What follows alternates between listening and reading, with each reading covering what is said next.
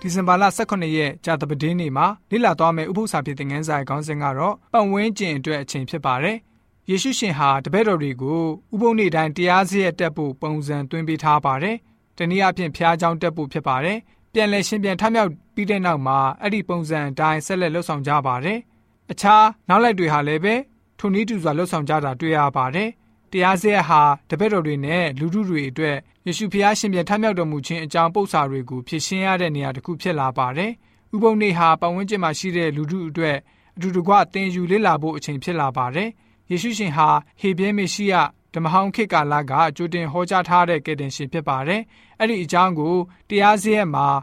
ဥပုံနေ့ရောက်တိုင်းရောက်တိုင်း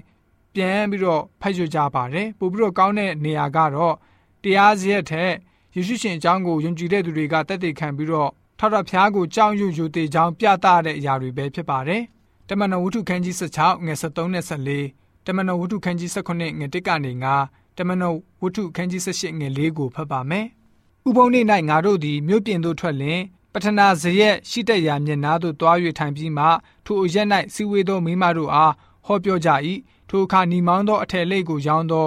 တွာတိရဲမြို့သူလူတိအမည်ရှိသောမိမတယောက်သည်ဖျားသခင်ကိုကိုးကွယ်တော်သူဖြစ်၍တရားနာစဉ်တွင်ပေါလုဟောပြောသောအရာကိုမှီဝဲစိကပ်စေခြင်းကသူ၏စိတ်နှလုံးကိုသခင်ဖျားဖွင့်တော်မူ၏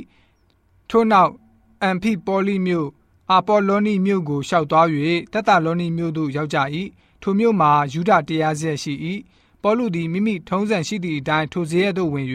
ဥပုံနေ့၃ရက်တွင်ကျမ်းစာကိုအမိပြု၍ထိုသူတို့နှင့်ဆွေးနွေးနှီးနှောသဖြင့် ခရစ်တော်သည်အသေးခံရမည်တေခြင်းမှထမြောက်ရမည်ငါဟောပြောသောယေရှုသည်ခရစ်တော်ဖြစ်သည်ဟုသောအကြောင်းအရာတို့ကိုရှင်းလင်းစွာဖွင့်ပြလေ၏ထိုသူအချို့တို့သည်ယုံကြည်ခြင်းသို့ရောက်၍ပေါလုတိလတို့နှင့်ပေါင်းဖော်ကြ၏ဖျားကိုကိုးကွယ်သောဟေလတလူအပေါင်းတို့နှင့်ထင်ရှားသောမိမအများတို့လည်းယုံကြည်ကြ၏ယူဒလူတို့သည်ဆိုးရုပ်လျက်ပေါ်သောသူအချို့တို့ကိုခေါ်၍လူများကိုစုဝေးစေပြီးလင်မြို့၌အုပ်အုပ်တဲတဲပြုကြ၏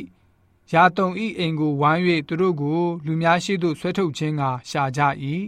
ပေါလုသည်လည်းဥပုံနေ့မပြတ်တရားစရ၌ဆွေးနွေးဟောပြော၍ယူဒလူနှင့်ဟေလတလူတို့ကိုဖျားယောင်းတွေးဆောင်လေ၏ဆိုပြီးတော့ဖော်ပြထားတာတွေ့ရပါတယ်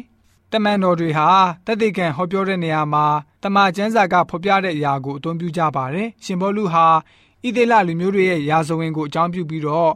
ရှေဘိုဘေငါတို့ရဲ့အဘလို့စတင်ပြီးတော့ဟောပြောလေးရှိပါတယ် ဆက်လက်ပြီးတော့တရားသူကြီးအုပ်ဆိုးတဲ့အချိန်ရှင်ဘုရင်အချိန်ဒါဝိမင်းကြီးခေတ်ကယေရှုရှင်အချိန်ကာလအထိဆင်းသက်လာတဲ့ပုံအစစ်စစ်ကို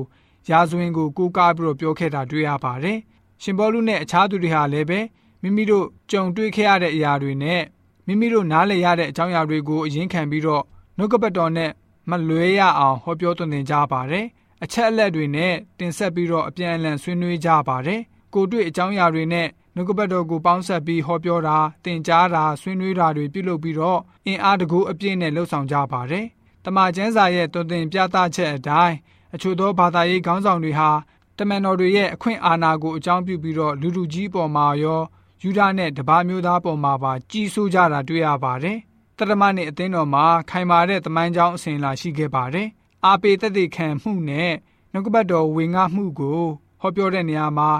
ပြီးတော့တင်ကြားတဲ့နေရာမှာအသုံးပြုကြပါတယ်။ဥပု္ပ္ပစာပြေချောင်းကိုတရားဟောအစီအစဉ်နဲ့ပေါင်းပြီးတော့အခြားဥပုံနေ့ဝုပြုခြင်းအစီအစဉ်တွေဖြစ်တဲ့လူငယ်လူရွယ်အစီအစဉ်တွေပြုလုပ်ခြင်းအပြင်တတမနေ့အသင်းတော်ရဲ့ဝုပြုခြင်းအစီအစဉ်မှာပညာပေးခြင်းကိုအထူးဦးစားပေးကြတာတွေ့ရပါတယ်။အခြားအခြားသောသင်ယူမှုရှိနိုင်တဲ့အတွေ့အကြုံတွေကိုလည်းပဲဥပုတော်နေ့မှာအထူးသဖြင့်ပညာပေးသင်ကြားပေးဖို့လိုအပ်ပါတယ်ဆိုပြီးတော့ဂျာတပဒင်းနေ့ဥပု္ပ္ပစာပြေသင်ခန်းစာကဖော်ပြပေးထားပါတယ်။